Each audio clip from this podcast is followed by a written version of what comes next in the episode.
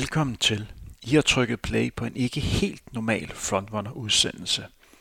Vi har valgt at dele vores gode venner fra Norges Breaking Limits podcast om vægtproblemer i løbesporten. Det har vi valgt at gøre, fordi det er en super god og relevant udsendelse, og det er som bekendt et emne, vi også har fokus på her i Frontrunner. I den norske podcast-serie Breaking Limits har man taget en snak med den norske løbestjerne Karoline Krøvdal. Karoline har været på absolut topplan i mange år og har blandt andet den nordiske rekord på 3000 meter forhindring. Ja, hun er konkurrent til danske Anne-Mille Møller, og så har hun løbet under 15 minutter på 5000 meter samt under 1.10 på halvmarathon. Hun har været til ikke mindre end 6 verdensmesterskaber på banen og to olympiske mesterskaber. Hun har nogle rigtig gode betragtninger om vægtens betydning øh, for en løber, og hvordan hun har oplevet at være en bedre løber samt hurtigere løber, nu her, selvom hun vejer 10 kilo mere, end hun gjorde i starten af hendes karriere. Så giv denne udsendelse en chance. Der er rigtig mange gode og relevante ting at hente her. Norge er det hele taget et land, der på mange måder har arbejdet med spise, spiseudfordringer på en god og konstruktiv måde. Det vil vi helt sikkert komme ind på en anden gang her i Frontrunner. Udsendelsen er på norsk, så der kan være nogle ting, hvor man lige skal høre ekstra godt efter. Stakken med Karoline kommer efter 14 minutter. De første 14 minutter handler om den norske løber Sonder Moen. Sonder er som bekendt maratonløber og forbereder sig lige nu imod Valencia Marathon, som bliver afviklet søndag den 1. december. Sonder er tidligere europæisk rekordholder på maratondistancen har løbet 2 timer, 5 minutter og 48 sekunder. Og han er som bekendt ved at forberede sig til det her maratonløb. Lige nu befinder han sig i bjergene i Italien, og der er rigtig mange gode fif at hente om, hvordan man skal træne i, i højden her. Håber I kan lide den, eller lide denne udsendelse. God fornøjelse, og endnu en gang tak til vores norske venner for Breaking Limits, for at vi må dele denne udsendelse.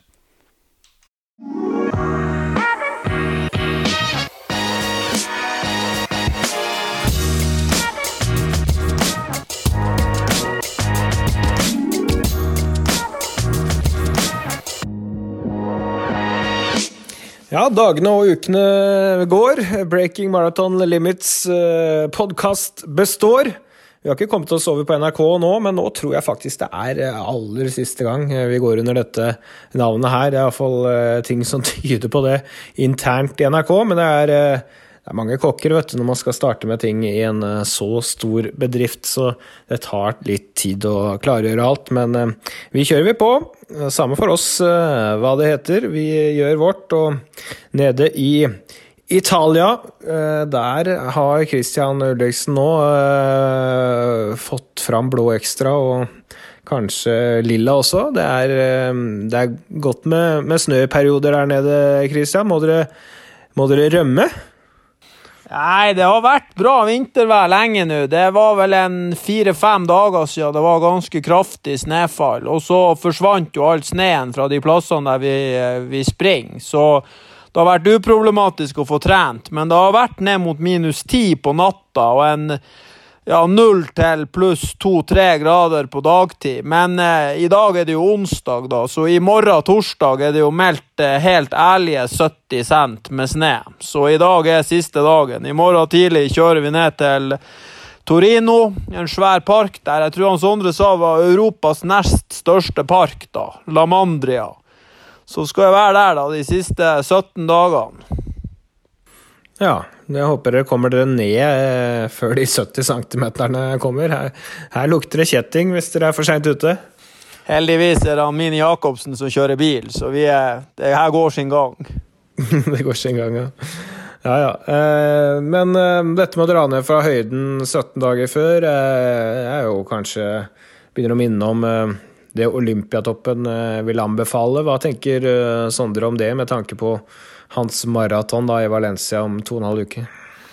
Ja, Renato er jo av en oppfatning av at hvis det trenes mot 5000 og 3000 og 1500 og for så vidt kanskje 10 000, så er effekten av høyden eh, enda litt større, og da hadde, nok, eh, da hadde vi nok blitt her på død og liv og så reist ned to dager før, sånn at man er på plass og kan konkurrere i løpet av de første 50 timene. Det er det Renato mener er optimalt. Men for en maraton der, der, du er et stykke fra å springe på, på, på VO2 maks-kapasitet, så er ikke høydeeffekten i seg sjøl de, siste dagene er ikke så stor.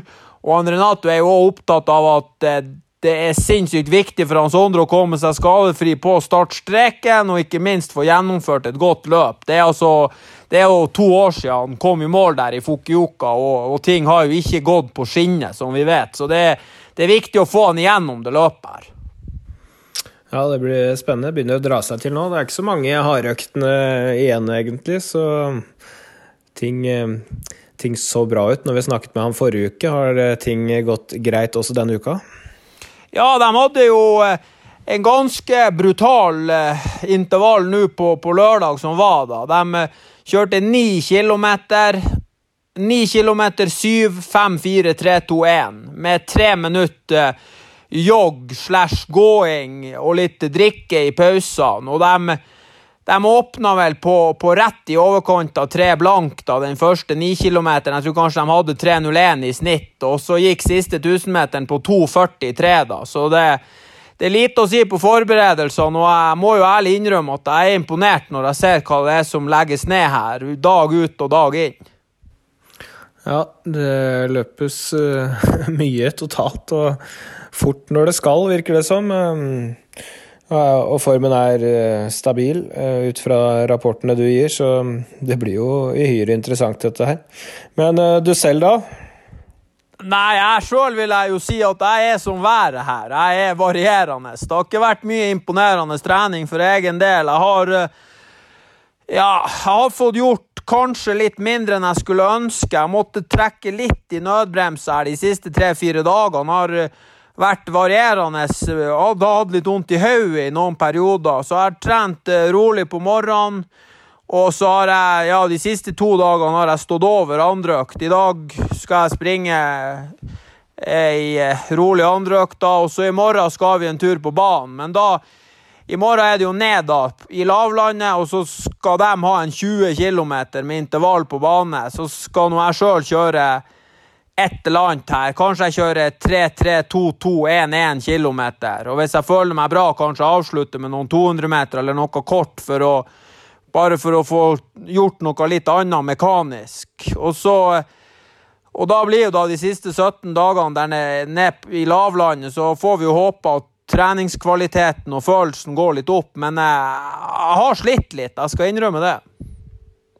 Ja, hvordan er det å, å, føle at du sliter litt bak egen form når disse to andre du er sammen med, holder et uh, skyhøyt nivå som uh, gjør at du nærmest ikke kan løpe terskel når de løper rolig engang? Nei, altså det er nå heldigvis sånn i løping at det er hver mann for seg sjøl her, og jeg har jo ingenting å gjøre la med dem på trening, så vi kjører nå ned i bilen i lag og flirer og prater skit, og så eh, starter vi nå økten stort sett samtidig. og de fleste øktene springes jo på ti, så hvis de springer 1 time og 10 minutter, og det er 18 km, og jeg springer 1 time og 10 minutter, og det er 14 km for min del, så, så ser vi jo hverandre før og etter økta. Utenom det så ser jeg ikke så mye ut av dem. Hvis jeg, hvis jeg møter på dem en eller annen plass i den løypa der, så, så skjønner jeg jo egentlig bare hvor fort de springer. Ja. Det er jo kanskje greit, men det ble jo et litt kortere høydeopphold enn um, du trodde i utgangspunktet. da, To og en halv uke, men det er ikke sikkert at det er så dumt for deg. Første gang du er på og trener på ja, 2000 til ja, 2003, er det vel har vært på det høyeste omtrent? Nei da, for min egen del tror jeg nesten bare det er positivt. Og så er det jo en gang sånn at når man først er er i høyden i Europa i november, så må man jo ta, eh, på en måte ta litt, eh, litt, hensyn til det som oppstår av vær og vind her. Og det er klart at Én ting er å trene når det er litt kaldt, så lenge det er asfalt og ikke er glatt. En annen ting er jo hvis det kommer en halv meter snø. Ja. Det viktigste er at du får, får trent eh, bra framover nå. Um, vi startet jo denne podkasten egentlig bare med at jeg intervjuet deg litt rundt Du hadde løpt London Marathon i april. Jeg hadde vel ikke noen stor tanke om at dette skulle bli noe podkast, så har det nå rulla på. Det har blitt en god del episoder nå. vi er på, på, tampen under dette navnet. Bare tenk litt på framtiden, Christian. Har du liksom bestemt deg for hvilken retning du går nå? Nei, nå har jeg jo fått Når vi kommer hjem herifra, så har vi fått fem uker på treningsleir som forhåpentligvis har gitt mye. og så må vi jo ta oss et møte med samboeren og finne litt ut hva vi skal, skal, gjøre. Jeg har jo litt lyst til å få meg en, en ordentlig opplevelse med Kenya òg. Og så er det klart at eh, på et eller annet tidspunkt her så må man jo eh, jobbe og se på den eh, delen med arbeid òg, foreløpig så jeg har jeg jo lyst til å gjøre mye, men jeg har ikke, jeg har ikke fått konkretisert alt ennå. Nei, men det virker som Sondre Nordstad Moen og Harry Summers, som du er på treningsleir med nå, skal en tur til Kenya på, på nyåret. og Det er jo et spennende sted som du aldri har vært, og det, det trigger litt. Ja, altså, dem han Harry reiser jo hjem, da, så springer han den der eh, nasjonale 10 000-meteren, og så kommer han til Kenya i starten av januar. og hvis eh, det går som planlagt for Sondre sin del, så skal han være tre uker i Norge da etter Valencia, så at han reiser 26.-27. desember til Kenya. Og, og, så er det nå engang sånn at det er OL til neste år, så det, for Sondre sin del så er det eneste målet er på en måte å være best mulig forberedt til OL i, i Tokyo da, eller i Sapporo. Uavhengig av hvor det blir, så tror jeg jo at at viktigheten å være forberedt med, med, temperaturen er enormt stor. Og det er klart, da er det begrensa for han, hva han får gjort. Jeg vet jo at han sjøl har lyst til å springe VM på halvmaraton. Han har lyst til å kanskje springe den halvmaratonen i Irak. Men Renate har vært ganske klokkeklar på at det, du, du, må til London og springe maraton mot Mo Farah og guttene for å tjene penger, og så må vi gjøre den treninga som skal til for å være best mulig forberedt til OL. Så det blir få konkurranser på Hans Sondre, og det blir, det blir, mye trening i Kenya. Så det er klart, hvis man får muligheten til å ta seg en tur til Kenya, så er jo i hvert fall dem der. Du er vel påmeldt London Maraton, du? Ja, jeg skal, jeg skal tilbake til London, og så er jo spørsmålet hva man gjør først. Jeg jeg blir å springe Barcelona halvmaraton der i februar. Det blir jo neste konkurransen for min del. Og så, eh, så må vi se hva vi gjør mellom Barcelona og, og London. Ja, det blir eh, spennende å følge deg på den reisen. Du er eh, med på noe som ikke du har vært i nærheten av å være med på tidligere nå, så vi får se hvordan det slår ut. Men et langt opphold i Kenya, det unner jeg deg. Jeg har vært der ti dager er vel av mitt liv, og det ga mersmak, det. Utrolig interessant å se hvordan de beste der lever, og hva slags innstilling de har til idretten sin, og hvilke forhold de trener under. Og når du da samtidig kan leve tett på et par vestlige topputøvere som skal satse mot OL, så vil jo det eventuelt uh, gi en erfaring som du ikke kommer til å få så mange ganger i livet ditt. Det vil jeg påstå. Nei, du har nok rett i det, og det er klart én ting er å være her i høyden i Italia. i ja, omtrent som å være i Norge, der du er veldig altså Vi er tre mann her og en, og en leiebil på et hotell der det omtrent er kun vaskedamer og, og han mann som eier hotellet, liksom. En annen ting er å være i Kenya, der det er hundrevis av løpere, og det blir jo være mye folk der. Altså, man kan jo tenke seg hvor mange utøvere som skal forberede seg mot en OL-sesong. så så det er jo som du sier, det blir jo Det kan jo være noe man aldri får muligheten til å oppleve igjen. Så hvis jeg får muligheten, og hvis uh, hun uh, godeste samboeren har enten har litt lyst til å være med sjøl, eller hun har lyst på litt mer fritid uten meg, så tror jeg kanskje jeg tar meg en tur. ja, får, du får ta en, eh, en, samtale hjem og høre etter hvert. Du får en måned i, månedstid i Norge uansett, da, i, i desember. og her er det jo snø og glatt uh, for tida. Jeg var inne i Oslo i dag, der var det ikke så ille. Men uh, her ute på Øvre Romerike så er det jo ikke ideelt for øyeblikket. Så jeg får ta mølla i dag. Men uh, vi har jo snakket om mye trening i denne podkasten, og mye trivielt. Jeg tror vi må inn på et litt mer alvorlig tema i dag òg. Dette med vekt. For Mary Kane kom med en historie denne uka her som ikke var um, veldig lystig. Og jeg har lyst til å dra til Karoline Bjerkeli Grødal ja, og, og, og, snakke litt om dette med vektproblematikk og, og løping. Hun har uh, veldig mye erfaring, har vært i, i, toppen i mange, mange år. Opplevd flere sider av dette med vektproblematikk. Og hun sa ganske klart ifra på Instagram når uh, denne historien fra Mary Kane kom. Så um, det er ikke så lett å snakke om vekt, Christian. Du snakker vel lett om det meste, men Nei, jeg må jo ærlig innrømme at, at akkurat på det temaet her, så er jeg jo jeg er jo glad at Karoline er villig til å stille opp, og så, så skal jeg jo ærlig innrømme at, at når man eh, leser litt det der som kommer fra de der amerikanske utøverne, så man blir jo litt rysta òg. Så det er greit at man skal prøve å, å nå absolutte verdenstoppen, og det er greit at vi alle skjønner at, at vekt er en del av pakken, men når du begynner å høre om unge jenter som driver og kutter seg sjøl, og du hører om folk som prater åpenlyst om, om, om fedme til, til, tynne jenter som, som, driver med sport, og som er, prøver å være sunn og fornuftig. Da, da, begynner jeg å miste litt smaken på hele det der uh, Nike Oregon-systemet, altså. Ja, det var en alvorlig historie. Jeg skal uh, oppsummere den litt, og så ta en prat uh, med Karoline. Så får vi se hvordan, hvordan det går. Det blir nok sikkert ikke det letteste intervjuet jeg har gjort, men Karoline eh, er veldig fin å ha med å gjøre, så har lyst til å komme med et budskap. Er tøff som, som, stiller opp. Så da får du bare ha det godt nede i Italia, og så snakkes vi kanskje under eh, NRK-paraplyen NRK om en ukes tid. Ja, det høres bra ut, Jan. Du får ha lykke til, og hils Karoline. Vi får håpe det går bra frem mot EM i terrengløp. Det får vi satse på. Vi får høre litt om det òg. Bra, det. Vi høres. Hei opp. Ja, da har vi fått besøk, eller jeg har fått besøk av Karoline Bjerkeli eh, Grøvdal. Sist vi hørte fra deg sånn sportslig sett, så, så forlot du VM med ja, ikke den beste følelsen, kanskje. Og så har vi sett på sosiale medier at du har vært på Hawaii på ferie. Det så veldig fint ut.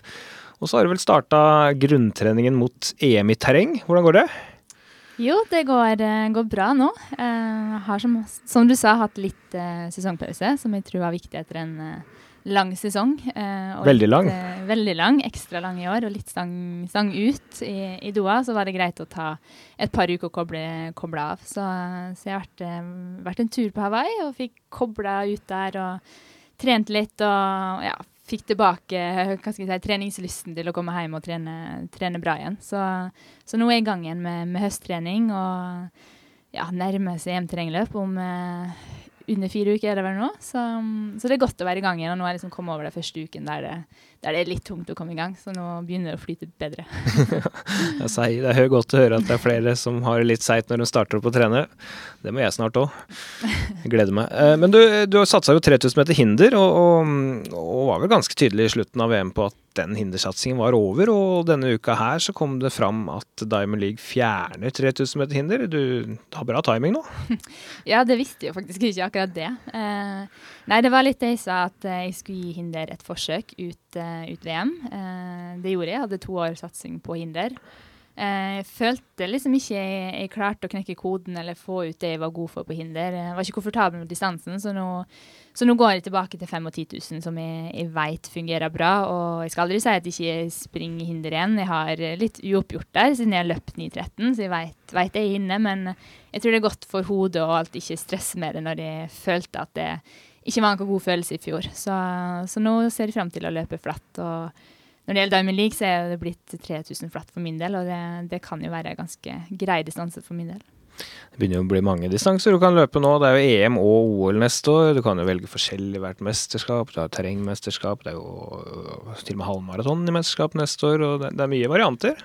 Ja, det, og det er jo motiverende for min del. Jeg har alltid vært en utøver som liker å løpe litt forskjellig. Eh, når kanskje folk sier at de må spesialisere meg på én distanse snart, eh, så er det noe med det gleden for min del er å løpe litt forskjellig. Og jeg tror på en måte at, eh, at jeg har en fordel Eller jeg vil tjene på å løpe fort både på 1500 og på 3000 flatt for å løpe både fort på 5 og 10 og, og kanskje maraton på sikt òg. Så jeg, jeg tror alt henger sammen, da. Ja, det var lovende, syns jeg, fartsressursen du viste ved et par anledninger i, i sesongen som var, så det er, det er, spennende, det. Men nå er det sånn at vi har jo invitert deg i dag for å, å snakke om et litt alvorlig tema. For det, denne uka her så var det en amerikansk løper med navn Mary Kane, som kanskje ikke alle har hørt om, men hun var et supertalent. Altså en av de beste på high school i USA noensinne. Løp veldig tidlig 4.04 og, og, gikk inn i en av de mest profesjonelle treningsgruppene, skulle man tro, i USA. Eh, Nike Oregon Project. Og, og, det prosjektet har jo fått en del storm i det siste, i og med at treneren Alberto Salazar er utestengt for fire år. Men det er nå så, men denne uka her så kom Mary Kane da mange år etterpå og fortalte om et voldsomt fokus på vekt.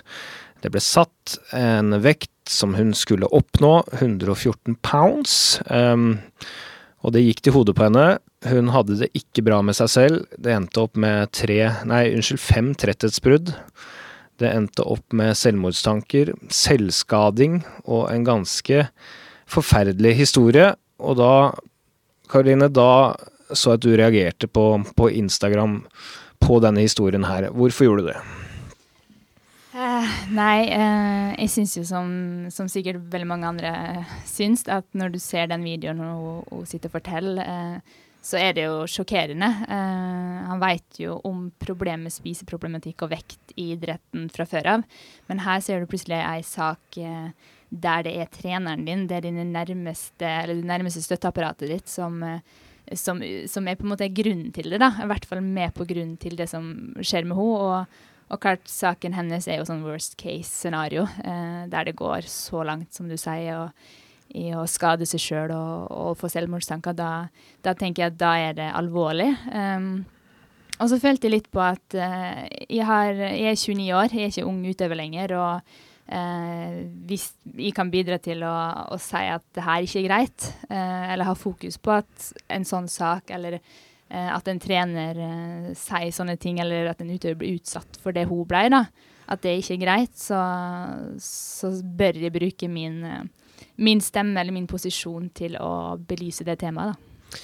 Hva ved den historien er det du reagerer mest på? Jeg reagerer nok mest på at uh, det Salazar, eller den nærmeste treneren hennes, uh, fokuset de har på vekt, uh, spesielt med tanke på at hun var 17 år når hun begynte i den gruppa der, og, og, metodene som blir tatt i bruk der, og selvfølgelig at at det går så langt. Da, at det er ingen som, som klarer å stoppe det på, på veien. det reagerer jeg veldig på. Ja, for dette skal jo være et såkalt profesjonelt miljø hvor man har veldig mange støttespillere rundt seg. Jeg tenker at Hvis det kan skje i en sånn situasjon, så er det kanskje lettere at det skjer i, i andre miljøer som på langt nær er så profesjonelle. Og det er jo mange unge utøvere der som skal ut i, ut i denne verden her. Hva, hva, skal man passe seg for? Det er jo det er veldig vanskelig tema sånn sett, å gi, gi råd. Eh, det er litt som jeg skrev på Instagram, så er jo det mine beste råd. Uh, altså Når du er i sånn gruppe som du sier, så forventer du jo at de skal ha såpass bra støtteapparat at uh, de har profesjonelle folk på det området. Uh, det er jo ikke alle trenere som har kompetanse nok til å, til å veilede utøverne sine i riktig retning når det gjelder vekt. og så er det jo et spørsmål at vekt er jo viktig. Det er viktig å snakke med utøverne sine om det. Men, i, men, her så er det tydeligvis mangel på kunnskap rett og slett, og kompetanse. De bør bør ha profesjonelle folk på det området som kan hjelpe henne. Eh, spesielt når du, når du, ser at en utøver sliter, som, som, helt sikkert folk hadde sett i den gruppa her etter tid. da. Eh, men mine, mine, råd skulle jeg si, er litt sånn som jeg, sånn som jeg sa. at, eh, at det er viktig, altså Nummer én er liksom det der med å sammenligne, sammenligne seg sjøl. Eh, jeg tror alle utøvere, både, både jenter og gutter, har litt tendens til å, å sammenligne seg med hverandre eh, kroppslig. Eh, og spesielt kanskje de som springer fort. Eh, det tror jeg er ganske farlig i seg sjøl, fordi at eh, alle er forskjellige, alle er bygd forskjellig. da. det er ikke en fasitsvar på at den vekta er idealvekta for alle sammen. noen er større muskulær, noen trenger mer tilførsel av energi enn andre. Så det, det, er veldig vanskelig og veldig farlig det der med sammenligning av kropper. da. Og så er det som jeg òg skrev, det med, med støtteapparat rundt det. Altså, du må ha folk rundt det som er som både har kunnskap og som, eh, som du stoler på og, og, vil ditt beste. da. Um, og det er, liksom, det er ikke greit at noen skal stå og fortelle det hvordan kroppen din skal se ut. Nei, for det, det kanskje reagerer på her, er dette med nærmest at det blir forlanget en idealvekt, da. Altså her har vi et vektmål, og, og det er nærmest like viktig som alt annet å komme seg dit. Det høres litt skummelt ut, på sett og vis. Mm. Det er helt enig.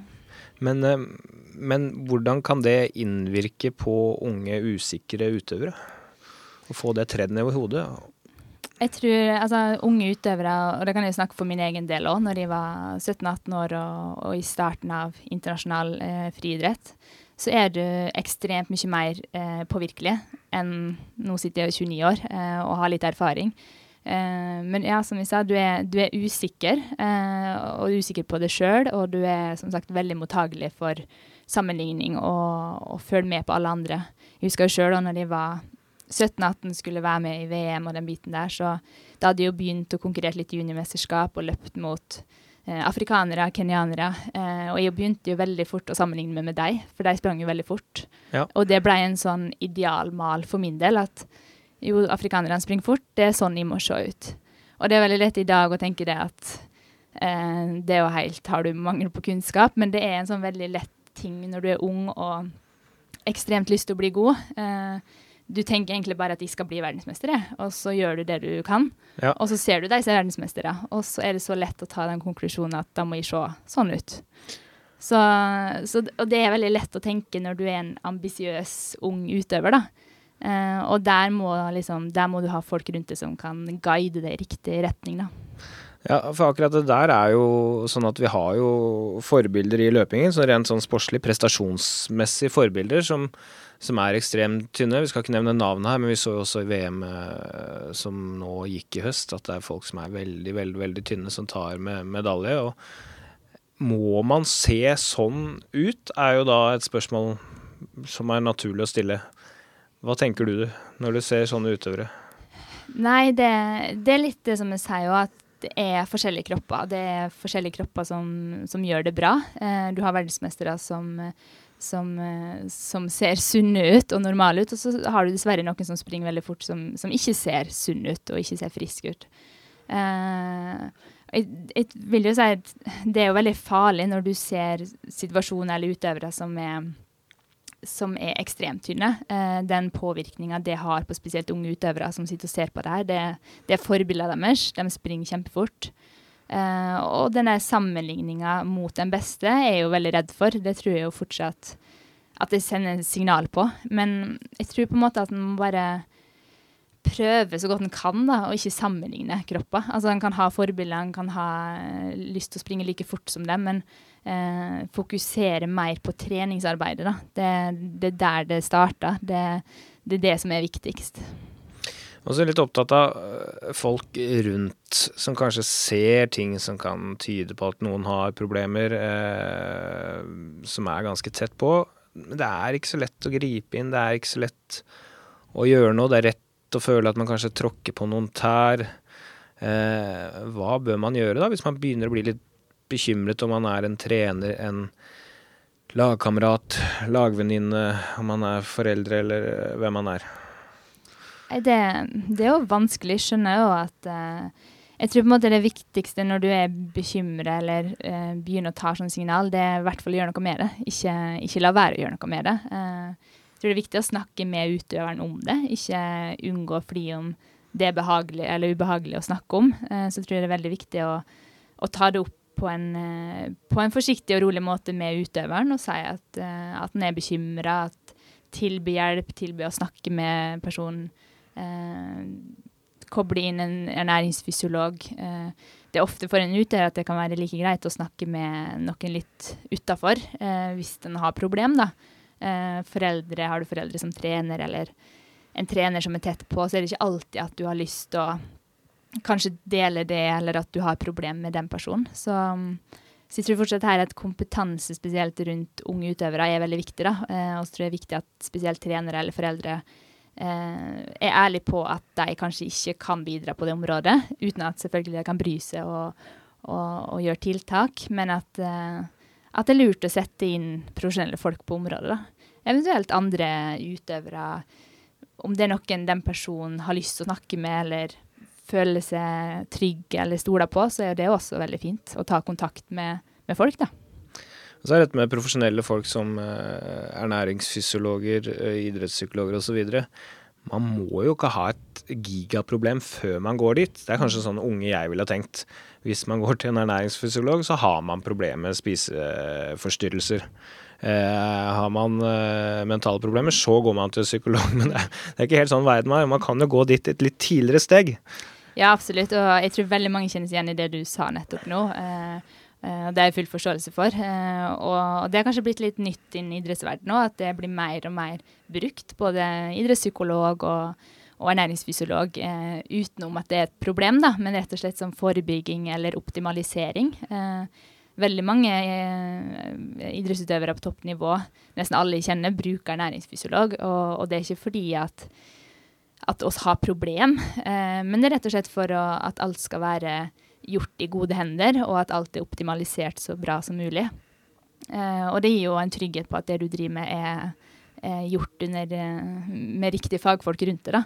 Så jeg tror den, den terskelen der, den bør ikke være så stor. Det er det er nesten på lik linje som å gå til massasje til fysio eh, for å optimalisere det du driver med, da. i hvert fall på elitenivå. Ja, for å ta deg som et eksempel, du er Norges klart beste løper på langdistanse nå. Hvordan, hva slags forhold har du til ernæringsfysiologer nå? Jeg har uh, god oppfølging eller god kontakt med, med Ina Garte på Olympiatoppen. Det har jeg hatt i mange år. Og, og, ser på henne som en, en nær venn, en del av mitt støtteapparat. Så er det litt sånn variabel hvor masse vi har kontakt, ut ifra periode på året. Men det gjør jeg for å, for å, optimalisere, spesielt inn mot sesong, så har vi litt tettere oppfølging der. der jeg tar deksa for å sjekke at kroppssammensetninga er riktig. Eh, at beina er sterke nok, at eh, beintetthet er bra. Eh, så det er mer sånn at du har kontroll på kroppen, og så får du veiledning på det jeg måtte bruke. og så er det egentlig jeg som styrer litt den hva jeg har bruk for av oppfølging, da.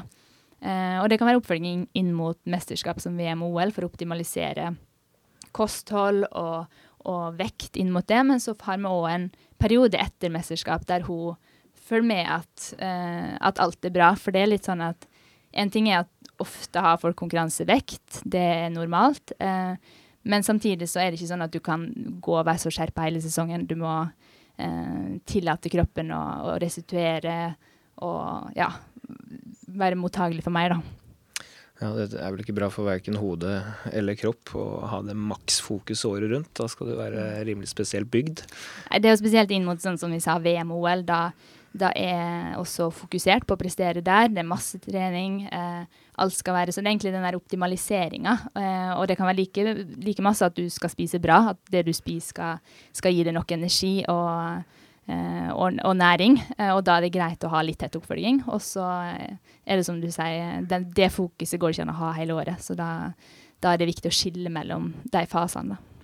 Dette her med vekt, jeg føler jo at spesielt i Norge så er det liksom Det er ikke politisk korrekt å snakke om vekt. Samtidig så har jeg vært nok i toppidrettsmiljøet og blant utholdenhetsutøvere i en rekke idretter i Norge til at jeg vet at dette tenkes det veldig mye på. Det snakkes en del på tvers, det fleipes en del om det. Eh, og for å bare spille, stille sånn banalt spørsmål først, da. Hvor viktig er vekt i løping?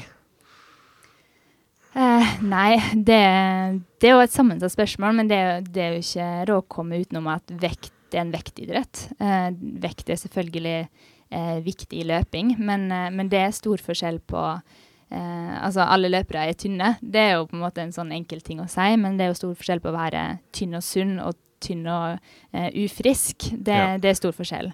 Og, og, med den mengden løpere spesielt trener, da, og med et normalt sunt kosthold, så vil jeg påstå at det, det er ikke så vanskelig, egentlig, som man skal ha det til. da. Nei. Uh, men alle er jo for så vidt enige om at vekt er viktig, hvis, hvis man press, presser dem litt. Uh, men det er jo ikke dermed sagt at lavest mulig vekt er det beste uh, for enhver person. Jeg er langt fra sikker på at du løp på det raskeste når du var som lettest, for å si det sånn. Hvordan var det? Det er jo et godt eksempel. Eh, jeg har jo erfaring på den biten. og Uh, når jeg var 18 år, så var jeg jo kanskje omtrent 10 kilo lettere enn hva jeg er den dag i dag. Uh, uh, og en stund så hadde jeg persene mine fra jeg var rundt den tida der. og så hadde jeg jo noen år med litt skader og en prosess der jeg skulle stabilisere med litt høyere vekt. Det å bli jente eller dame og, og, og komme, Det tar jo noen år. og da satt det litt sånn i hodet at jeg visste at jeg hadde løpt de og de tiden med den vekta eh, mens noe er tyngre. Eh, men så kom jeg heldigvis til et punkt der jeg, der jeg, så at jeg begynte å løpe fortere. Eh, jeg løp mye fortere enn hva jeg gjorde på ti kilo lettere. Um, og det ble jo litt sånn bevis overfor meg sjøl at, uh, at nå, nå, er jeg ti kilo tyngre, men jeg springer fortere. Jeg setter pers på 10 000 og, og på 5000. Uh, og ikke minst så er kroppen sterkere og tåler belastninger. Uh, jeg er ikke skade, og restitusjonen går fortere. Så det, det er ikke så enkelt som å si at går du ned i vekt, så springer du fortere. Det, det er det ikke. Nei, heldigvis. Mm. Og det finnes flere eksempler på, på, høyt, høyt nivå i norsk og internasjonal løping som har opplevd akkurat det der. At man ikke har løpt på sitt raskeste når man er som lettest. Så det er klart at uh, det er jo farlig da, at man blir litt lettere, så føler man det går bedre. Men det går en grense et sted, og, og den grensa er jo ikke så lett å holde kontroll på. Og Kan du si noe om noen faresignaler man kan, som utøver kan fange opp på seg selv hvis det er i ferd med å gå for langt? For det er det ikke alle som har erfaring med. Nei, altså Det er jo litt som du sier, at mange kan jo oppleve eh, en liten framgang eh, i det å gå ned i vekt. Eh, den er veldig kortsiktig, og den er egentlig veldig farlig, fordi etter ei stund så, så, begynner kroppen å forbrenne muskulaturen istedenfor. Eh, og da er jo faren at du mister muskelmasse, rett og slett. Og igjen så går jo det på bein og og beintetthet, som igjen fører til skjelettskade. Så det, det, er veldig sånn Du er fort inne i en ond sirkel der hvis det går for langt. Og, og, og klart, signaler er jo, er jo, mangel på energi. Det er, du er trøtt. Du, du orker ikke å gå på trening. Altså, hele den allmenntilstanden blir jo lavere når du får mindre tilførsel av energi. Det er jo ganske logisk. Så eh, jernnivå, eh, hvis du tar regelmessig blodprøve, så er det sånn sett veldig lett å fange opp hvis du begynner å gå feil vei. Ja, og det er jo klart at det fins andre signaler òg. Mary Kane fortalte jo at hun hadde mista menstruasjonen sammenhengende i tre år. Eh, det er ikke bra tegn. Det er ikke bra tegn. Uh, og det vil jeg òg liksom si litt at det føler jeg er litt sånn gammel myte. Uh, at det har jeg hørt òg fra eh, fra eldre, eldre, løpere eller eldre generasjoner, så er det litt sånn der at for kvinnelige utøvere da, så er du ikke god du er ikke god, du er ikke eliteutøver før du liksom har mista menstruasjon. Eh, det faktisk har jeg ikke blitt fortalt, men jeg har hørt, hørt folk sagt det, og da, da, kjenner jeg at jeg reagerer veldig på at eh, da er det et eller annet feil på kunnskap, kunnskapen her. For det, du, du skal, som eliteutøver så kan du kan du fint ha menstruasjon for å prestere bra. Det, det er bare tull. Ja, og Det er mange ting man kan si er viktig for å prestere bra i, i løping. Det eneste vi ikke kommer bort fra, er at man må trene ekstremt bra over tid. Og skal man tåle store treningsmengder, og man skal klare å stå i det over tid, så er man nødt til å ha et visst overskudd, og kroppen må være noenlunde i vater. Hvis ikke går ikke det her i årevis, altså. Nei, det, det er litt som du sier, at det viktigste er å få trent bra. og da må kroppen være litt robust. Han må tåle det, og du må ha energi til det her. Så, så det, det, er så viktig da, med å være i energibalanse eh, for å få gjort det du skal. For det viktigste her er jo faktisk å få trent og, og få løpt fort og få, få gjort den treninga du skal. Eh, hvis du må begynne å kutte ned på mengden eller økter fordi du er sliten eller ikke har energi, så hva er effekten da med å, å drive og sulte seg ned i vekt? Ja, det er akkurat det. Uh, og det er jo litt lettere å, å, sitte her, sikkert. Nå er du nesten 30. Du har vært med på veldig mye. Du løp jo ditt første VM da i 2007, blir ikke det? Mm. Uh, og var jo med på masse juniormesterskap før det. Uh, den gangen var du 17 år. hvordan opplevde du det å komme inn i elitefriidretten? For det sånn utenfra når man ser på sosiale medier og man omgås en del utøvere, så kan det miljøet synes å være en smule kroppsfokusert, vil jeg rett og slett si. Ja, det, det har du rett i. Uh, det er litt som akkurat som det, det er jo veldig lenge siden. Uh, men jeg husker òg liksom at um, alt var så alvorlig. Uh, for å være 17 år, så, så tror ikke jeg tenkte det at om, eh, om over ti år, det er da jeg liksom er på mitt beste, det er da jeg, da jeg skal bli god. Det var litt sånn jeg skal bli best i morgen. Eh, og det var alle, Fikk du en skade, eller måtte du stå over en dag fordi du var sjuk, eller ble tvunget til å stå over av enten en trener eller en lærer, så, så rakna verden. Det var så, så alvorlig alt, da. Um, og, og, hvorfor det ble det, det er vanskelig å si, men uh, klart jeg var Og har alltid vært en veldig sånn ambisiøs ung utøver som var litt sånn Jeg skulle bli verdensmester. Det var det her jeg skulle gjøre. og og da må du være profesjonell på alt, Sånn, fra kosthold til, eh, til, trening til absolutt alt. da. Eh, og for min del så gikk det jo, bikka det jo over til å bli helt ekstremt eh, profesjonelt i så ung alder at, eh, at, det med maten ble litt sånn, som jeg sa, da, at jeg begynte å sammenligne meg med, med de som var aller best. Og, og bare tenkte at det er, sånn, det er sånn jeg må gjøre, det er sånn jeg må bli òg. Hvordan hadde du det da? Nei, det, det er akkurat som Jeg husker jo ikke akkurat det, for at du er så inne i det. Og det var jo en travel periode, eh, spesielt det året som du nevnte når jeg var 17 år. Da hadde jeg jo eh, jeg tror jeg hadde tre juniormesterskap først. Både AOF, altså ungdoms-OL, og U20-EM og U18-VM. Og så var det siste da senior-VM i Japan, eh, i Osaka. Eh, samtidig som jeg hadde begynt på NTG og, og gikk langrenn på vinteren. Så det var jo egentlig bare at det gikk i ett hele sesongen. Det var trening. Men det var jo det jeg ville, det var jo det jeg likte å gjøre. Eh, men det blei liksom en veldig stor eh, totalbelastning på kroppen som eh, ikke var sunt.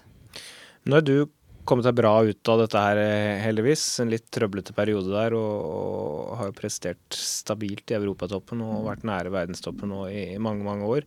Hvis du kunne gitt noe råd, da til en 16-17-18-årig eh, deg selv, uh, si at du hadde vært din egen trener nå, hvordan vil du angrepe det? For det å, å, snu om på hodet på en som har lyst til å bli verdensmester i morgen, det er ikke så lett i den alderen der, da. Man er ganske bestemt. Ja, og, og, det er nesten som vi på en måte ikke klarer å gi et råd på det heller. Uh, det eneste jeg tror som snudde for min del i den perioden, uh, for da var det jo litt sånn folk sa folk rundt De hadde jo et støtteapparat allerede. Vi var jo innad i Olympiatoppen og Frihetsforbundet, og, og så var jeg på NTG, så jeg hadde jo folk rundt meg. Uh, og, og, jeg måtte, skjønte ikke helt bekymringa til alle. da, At alle bekymrer seg for at jeg la vekt. og Vi følte jo at kroppen funka, og alt var jo bra. Uh, men jeg tror på en måte det som uh, snudde det, sånn at jeg kanskje innså alvoret, var det der når jeg fikk konkurransenekt av Olympiatoppen og Frihetsforbundet. Uh, og det ble så innmari brutalt for meg, for det, heldigvis da, så var alt um, alt relatert til å prestere, for min del. Mm. Det var, Hvis jeg ikke skulle springe lenger eller konkurrere lenger, så, så, var det jo ikke vits. Det var jo det jeg ville. Ja. Uh, så jeg klarte med en gang jeg på en måte ikke fikk lov til å konkurrere lenger, så var det litt sånn altså, Det ble så brutalt for meg. da, Det var så stor nedtur, det der, at da skjønte jeg jo at her er en ting jeg må gjøre for å få lov å konkurrere igjen, og det er å gå opp i vekt. Mm. Uh, og det liksom var med på å gjøre at uh, at, liksom, at det ble et sånn skremskudd. Eller at detter du ned i vekt nå, eller liksom går du tilbake til sånne ting, så, så får du ikke konkurrere. Uh, og det har jeg sagt til flere at det var det som på en måte hjalp meg. samtidig som det viser jo bare at det var ikke egentlig kroppsfokuset for min del. at at jeg syntes de så store ut, eller den biten der, men det var rett og slett at det var så prestasjonsretta. At jeg mm. skulle bli best. Jeg skulle uh, Ja, jeg hadde en sånn vrang forestilling på at de måtte være så lett for å prestere. Mm. Um, så det var litt sånn, uh, sånn slag i ansiktet å få, samtidig som det, det liksom, Da innså jeg det at jeg ville jo konkurrere. Det er derfor jeg driver med det her. Altså, det er jo noe med det å få utøvere på den alderen til å kanskje innse at uh, det er utøvere som over ti år da har trent 700-800 timer i året. Mm. Det gjør noe med kroppen over tid, som gjør at man kanskje uh, får en kropp som egner seg veldig for løping på sikt, men å gjøre det der på, på to måneder, det er ikke så lett å, å og altså man ikke mister det tiårsperspektivet der, da. For man, man, ser ofte rutinerte løpere i verdenstoppen som har vært gjennom et treningsregime, og som, som kan være sunne og spise nok, men, men, så mange år med trening, det påvirker jo kroppen. Ja, Absolutt. Og, det, og det, var, det, var, ikke noe jeg hadde fokus på da jeg var yngre. Det, sånn, det, var ikke noe som ble fortalt. Eh, det føler jeg det er veldig bedre på i dag. Eh, Skiforbundet har jo vært veldig bra å fronte det der med, med at eh, spesielt unge, unge, løpere må ikke sammenligne seg med eh, folk som er 30 da, eller har vært eliteutøvere i 15 år på det nivået her, og har selvfølgelig en kropp som er gjennomtrent. Mm. Eh, det har du ikke nødvendigvis når du er 20 år. Eh, og det tror jeg er veldig viktig å bli fortalt òg. At, at det er jo flere år du har, har, i banken med trening der, så vil kroppen din formes ut ifra det. Og det er helt normalt. Mm. Eh, hvordan er det i dag, da? Hvordan forholder du deg til vekt i dag? Følger man nøye med på det, eller er det bare inn i de aller, aller største mesterskapene? Det er jo en slags eh, ja, runddans, dette, og et visst fokus må man ha på det. Ja, jeg tror det der er det veldig individuelt hvor, eh, hvor, masse, hvor masse en vil ha fokus på det. Hva en er komfortabel med, eh, om en går opp og ned i vekt i løpet av sesongen. Jeg tror det er veldig store forskjeller fra utøver til utøver. da. Eh, for min del så har det fungert best egentlig bare å være ganske stabil hele året. Eh, jeg ligger på en såpass stabil treningsmengde stort sett hele året at, eh, at det regulerer seg ganske greit sjøl. Med at jeg, jeg, spiser normalt og har selvfølgelig fokus på å spise jevnt og spise bra mat på det jeg gjør. da. Um, men, men, jeg kjører ikke noe strengt regime nå, og jeg føler på en måte at for min del så har det vært det beste å uh, la ting skje naturlig og ikke ha så stor fokus på det. Eh, og så har jeg, som vi sa, at jeg, jeg tar litt undersøkelser et par ganger i året eh, for å sjekke at ting er som det skal, både med muskelmasse og beinskjelett og den biten der. Og, eh, og, så er det liksom, jo eldre en blir, jo mer tryggere blir en på seg sjøl. Han veit hva som funker, han veit hva han må spise for å prestere. Det er akkurat som du veit hva du må trene for å prestere òg. Du kjenner det sjøl så godt, da. Mm. Eh, og jeg er veldig glad i den posisjonen i dag, at jeg, at jeg ikke bekymrer meg for den biten. Eh, det, det er mer treninga som er viktigst for min del nå. Ja, så har jo blitt et forbilde. Derfor vi også har invitert deg hit. For du er en av de som kan snakke om dette her med tyngde, fordi du presterer så bra uh, som du gjør nå, og som har vært gjennom det du har vært som ung utøver. Uh, gjør at du har mye kunnskap her. Men som forbilde så, så er det jo også sånn at uh, man kanskje tenker over litt hva man legger ut. Hva, hva, tenker du rundt det?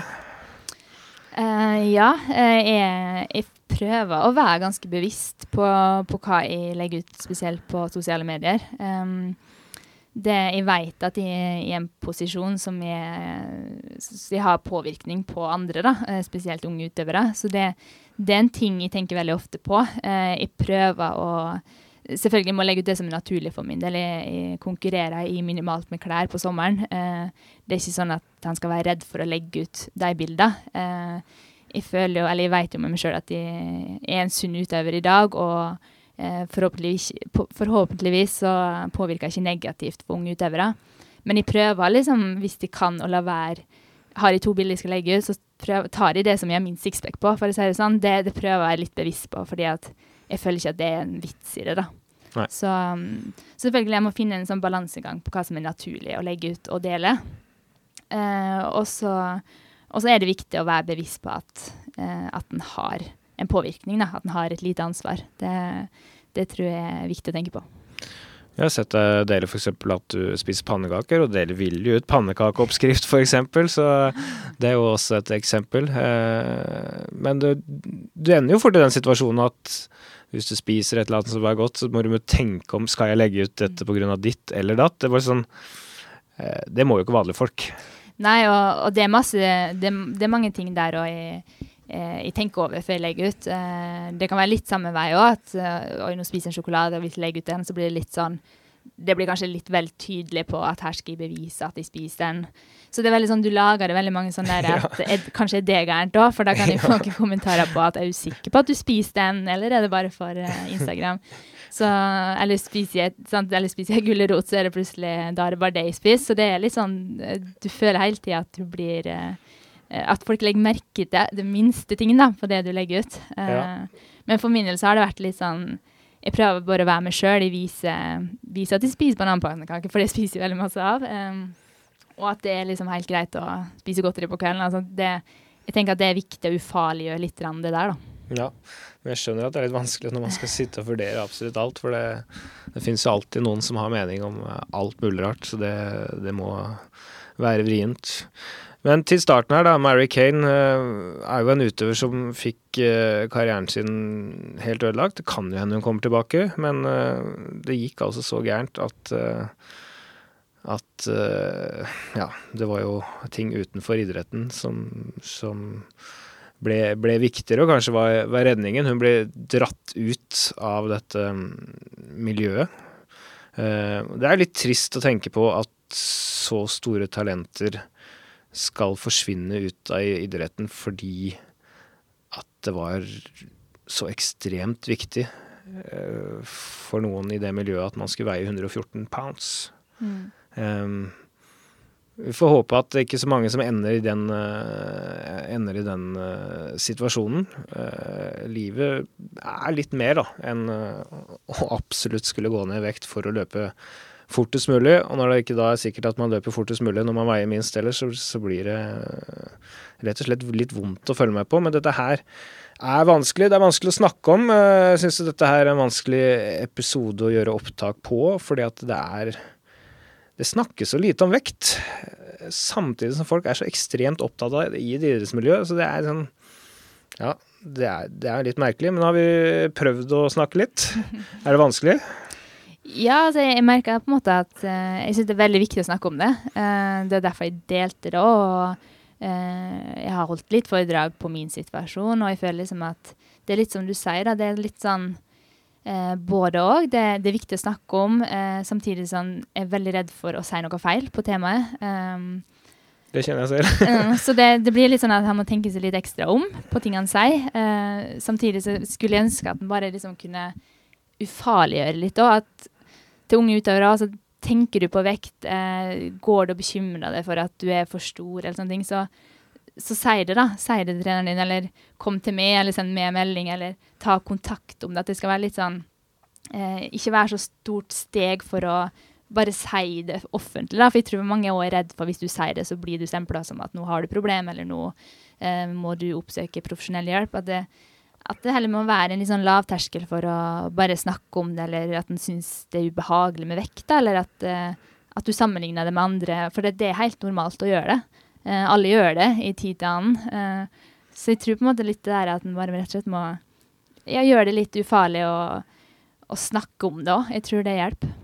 Ja, så er det ikke farlig da å snakke med profesjonelle folk på temaet. Hvis man vil ha litt råd på hva slags kosthold man bør ha for å prestere best mulig i den alderen man er, hvordan man bør tenke langsiktig, så ta kontakt med noen som er utdannet på området.